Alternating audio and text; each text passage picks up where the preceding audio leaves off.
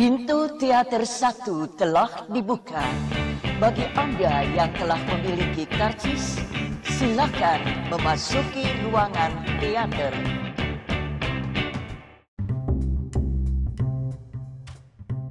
Baik lagi sama gue Mustafa di podcast Habis nonton film Eh, Setelah gue post beberapa waktu yang lalu ya di Instagram Habis nonton film Kalau gue akan segera ngebahas film terbaru yang ada di bioskop saat ini Film horor ya Judulnya Scary Stories to Tell in the Dark Eh, Film dia diproduserin sama Guillermo del Toro GDT eh, yang sedang bekerja sama dengan Hideo Kojima.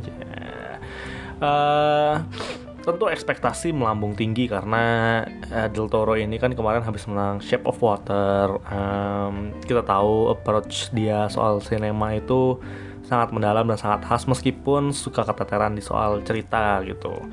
Eh, tapi selalu ada yang baru gitu entah itu penampilan secara karakter atau approach hal-hal yang tidak masuk akal Eh, itu suka muncul di Del Toro nah eh, kali ini dia ngeproduserin film Scary Stories to Tell in the Dark yang disutradarain oleh Andre Ofredal. Eh, dengan pemeran utama yang tidak terkenal yang tidak perlu gue sebutkan karena sepertinya lu juga tidak akan tahu nama aslinya. Em, Scary Stories in- to, to Tell in the Dark ini pada dasarnya ya yang gue tangkap tanpa gue membaca sinopsisnya itu eh kayak kayak gimana ya eh ketika gue nonton itu gue kayak kayak disuguhkan tentang cerita-cerita horor eh, klasik yang ada di barat sana di Amerika sana yang kemudian diceritakan eh, oleh sebuah apa ya kejadian secara beruntun dan itu menceritakan beberapa macam jenis hantu jenis monster yang yang gua kira tadinya ini kumpulan cerita pendek atau antologi hantu-hantu menyeramkan yang kemudian dijadikan satu film ternyata enggak. Itu satu kesatuan film yang di dalamnya terdapat banyak monster atau hantu. Nah eh gue secara personal gue mungkin kalau lu udah ngikutin habis nonton film dari awal gue tuh agak kesusahan untuk menikmati film horor gitu. Eh, karena gue jarang banget menemukan film horor yang bikin gue takut atau benar-benar merasa eh, mencekam atau merasa ketakutan merasa tertekan terbayang-bayang tuh itu jarang. Nah eh ada kalau ada pun itu paling nggak lama. Jadi gue tuh pada dasarnya tidak terlalu mudah untuk di di apa ya eh dibikin puas oleh film horor. Nah tapi gue berusaha untuk nonton Scary Stories to Tell in the Dark eh, karena gue pengen tahu gimana Del Toro dan sutradara Andre Verdal ini bisa menyuguhkan sesuatu yang baru nih? Eh, karena di trailernya cukup cukup mengerikan monster-monsternya gitu. Hantu-hantunya cukup mengerikan. Tapi ternyata gue di bioskop tuh eh, mungkin sekitar 30% tidur kali.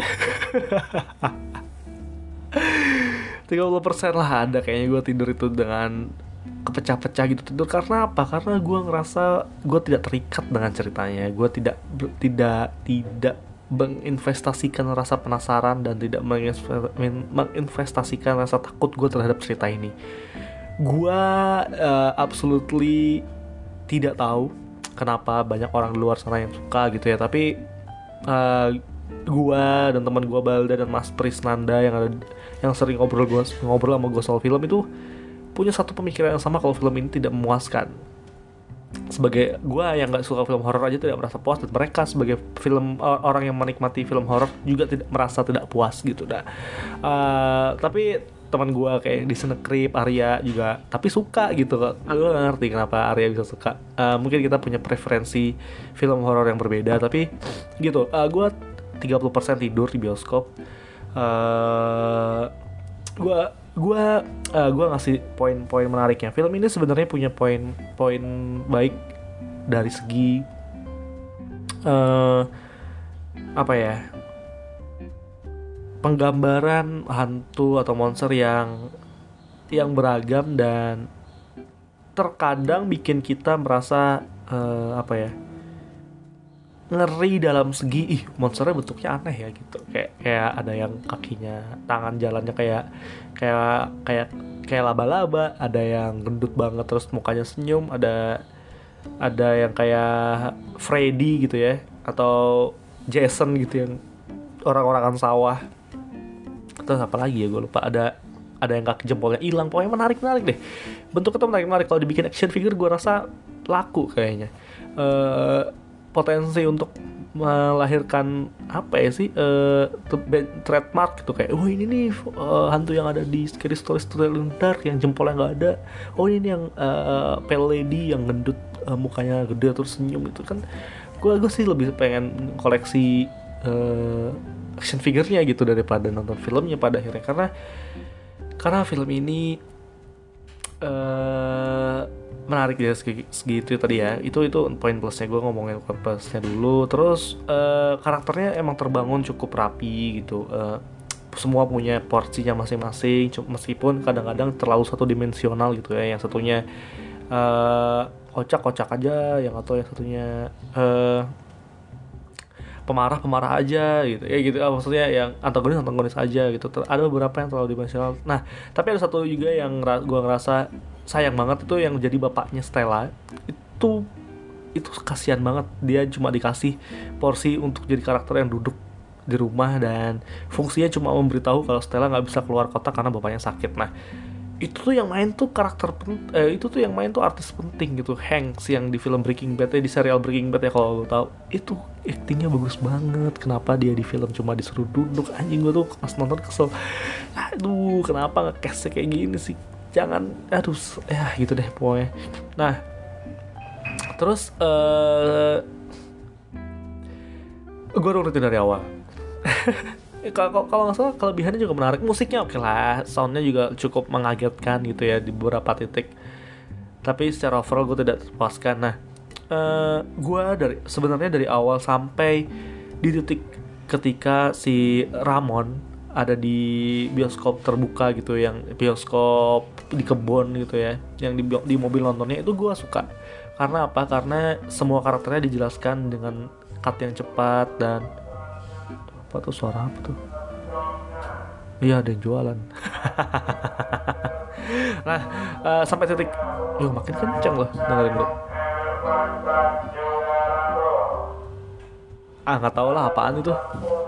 Nah jadi uh, ketika film sequence awal film ini dimulai dengan perkenalan karakter masing-masing background terus muncullah karakter Ramon uh, terus mereka semua bertemu dengan Ramon di bioskop uh, mobil yang di kebun itu. Nah itu gue suka karakternya penyusunannya uh, masuk antara karakter satu karakter lain dan munculnya konflik konflik konflik pertama dan sampai akhirnya muncul oleh lagi dengan karakter terakhir yaitu Ramon. Itu gue suka Sam nah tapi itu, itu doang yang gue suka. Sampai akhirnya gue ngerasa film film ini aneh gue ngerasa ketika si uh, Stella setelah dia sedih gitu ya dia bilang ke Ramon e, ini malam Halloween nih gimana kalau kita main ke rumah yang serem? Terus gue hah? Anjir ngapain? Kenapa tiba-tiba why so sudden gitu kenapa tiba-tiba ngomong pengen ke rumah serem? Sedangkan di sequence pertama itu yang di planting adalah uh, misi balas dendamnya mereka yang sering dibully oleh si seniornya. Tadi itu si siapa namanya? Jimmy kalau salah. Timmy apa ya? Timmy. Itu yang di setup itu itu. Bukan yang di setup tentang rasa penasaran mereka terhadap rumah ini gitu. Gitu. Itu loh yang bikin gue ah ya udah nih kayak film horor Indonesia uh, apa anak-anak yang bikin vlog terus penasaran ke rumah terus keliling ke rumah terus mendapatkan sesuatu terus akhirnya dihantuin apa segala macam itu akhirnya kayak gitu. Kan mirip kan sebenarnya kayak premis-premis film Indonesia kan. Ini bedanya yang bikin yang proses Del Toro aja lu denial aja kalau film ini tuh nggak kayak rasa film Indonesia film Indonesia gua kenapa kan judge orang-orang yang suka gini. Uh, itulah itu kenapa kenapa kenapa all of sudden dia tiba-tiba ngajak ke rumah horor itu gitu ya meskipun dia sedang merasa sedih. Karena tidak di kita tidak dapat informasi di awal soal dia suka main ke rumah itu. Terus uh, terus dia tidak merasa penasaran dari awal. Gue gak ngerti deh kenapa kenapa tiba-tiba ke sana atau ada bagian yang dipotong gue gak ngerti. Gue gak ngerti harusnya harusnya gue gua butuh informasi itu. Gue butuh uh, rasa penasaran gue di sana gitu. Kalau nah uh, itu ya yang akhirnya gue akhirnya tidak tidak peduli lagi dengan cerita yang ke belakang karena ah tiba-tiba aja nih ke rumah. Dan rumah itu kan jadi sosok penting di dalam cerita ini kan. Kalau penting ya harusnya dari awal. Menurut gue dari titik itu itu udah udah nggak penting lagi tuh uh, terlambat aja uh, menaruh informasinya jadinya kita terlalu terlampau banyak tahu soal seniornya tadi yang pada akhirnya seniornya tadi mati gitu ya. Ya udah informasi yang dibangun di sequence awal tadi akhirnya berhenti juga dengan cepat. Kita nggak gue sih ngerasa wah harusnya gue tuh uh, harusnya gue lebih tahu banyak tentang rumah itu daripada si seniornya ini. Gitu. Nah si senior ini juga kan ada satu adegan yang dia mukul-mukul orang-orang sawah ya yang ngasih tahu mungkin orangnya suka kekerasan gitu ya si seniornya ini. Tapi ternyata orang-orang sawahnya itu dekat rumahnya dia yang yang kayaknya kenapa dia ngelakuin itu kalau misalnya rumahnya deket kenapa nggak tiap hari atau apa? Nggak ngerti gue ya nggak ngerti deh. Uh, tahu ya. Aduh banyak celah-celah yang gue rasa. Terus terus the big the whole the whole cerita si Stella itu nggak ngelakuin apa-apa. Do you, realize it. Apakah kalian sadar? Kalau sebenarnya Stella itu sebagai karakter protagonis tuh almost did nothing uh, untuk menyelamatkan teman-temannya gitu. Kecuali dia mengembalikan buku itu. Yang gue ngerti. Ya dia cuma ngasih tau telepon dia baca terus eh, effortnya kecil lah. Gue ngerasa effortnya kecil dan tidak nggak banyak gitu ya. Uh, ya gitu deh gue ngerasa nggak tahu deh apakah gue terlewatkan ketika gue nonton. Intinya gue gue sih gue gua ketika nonton film gue lebih mementingkan ke kerapian cerita itu. Terserah itu mau logis atau tidak ya maksudnya uh, itu kan masalah drama sinema gitu. Eh, nggak uh, harus sama dengan realita. Tapi minimal strukturnya rapi implement informasinya tepat itu kan kita nggak tahu rumah itu uh, sejauh apa atau apa apa banyak lah informasi yang eh, apa logika logika yang diterabas aja gitu. Nah tapi film ini secara plantingan gue tidak merasa itu sih. Tidak merasa terpuaskan gitulah. Gak tau kalau lu suka filmnya terus lu ngerasa filmnya ini memberi lo kesan mungkin lu bisa komentar gitu ya uh, pada dasarnya podcast habis nonton film ini kan ngebahas film yang habis kita tonton gitu ya. Kalau lu punya pendapat lain silakan, gue sangat open dengan itu. Uh, tapi jangan ngejudge gitu ya. Gue nggak ngejudge orang-orang yang suka. Uh, terus gue bilang enggak lu salah, film ini jelek. Enggak, gue nggak kayak gitu. Cuma kadang gue heran aja kenapa gue suka, enggak lu nggak suka.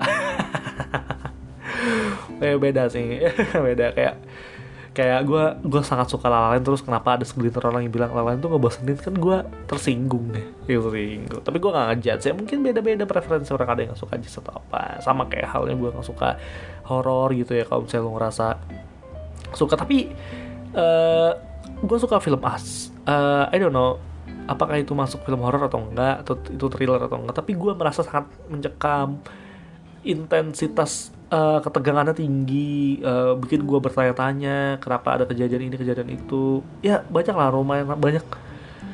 Uh, unsur rasa takut tapi unsur rasa takut itu unsur rasa takut itu bukan buat gue tapi buat si karakter utama. Gue sangat peduli dengan karakter utama yang bikin gue ayo dong ayo dong selamatin selamatin selamatin selamatin gitu. Deh gitu deh. Gitu. Uh, uh, mungkin itu aja yang bisa gue omongin buat episode kali ini Jangan lupa follow podcast Habis Nonton Film di Instagram, di Spotify, di @habisnontonfilm. Uh, kasih komentar di sana. Uh, kalau lu punya pendapat, jangan lupa DM kalau misalnya ada sesuatu yang lebih bicarakan atau komentarin. Itu aja, sampai jumpa di episode selanjutnya. Dadah.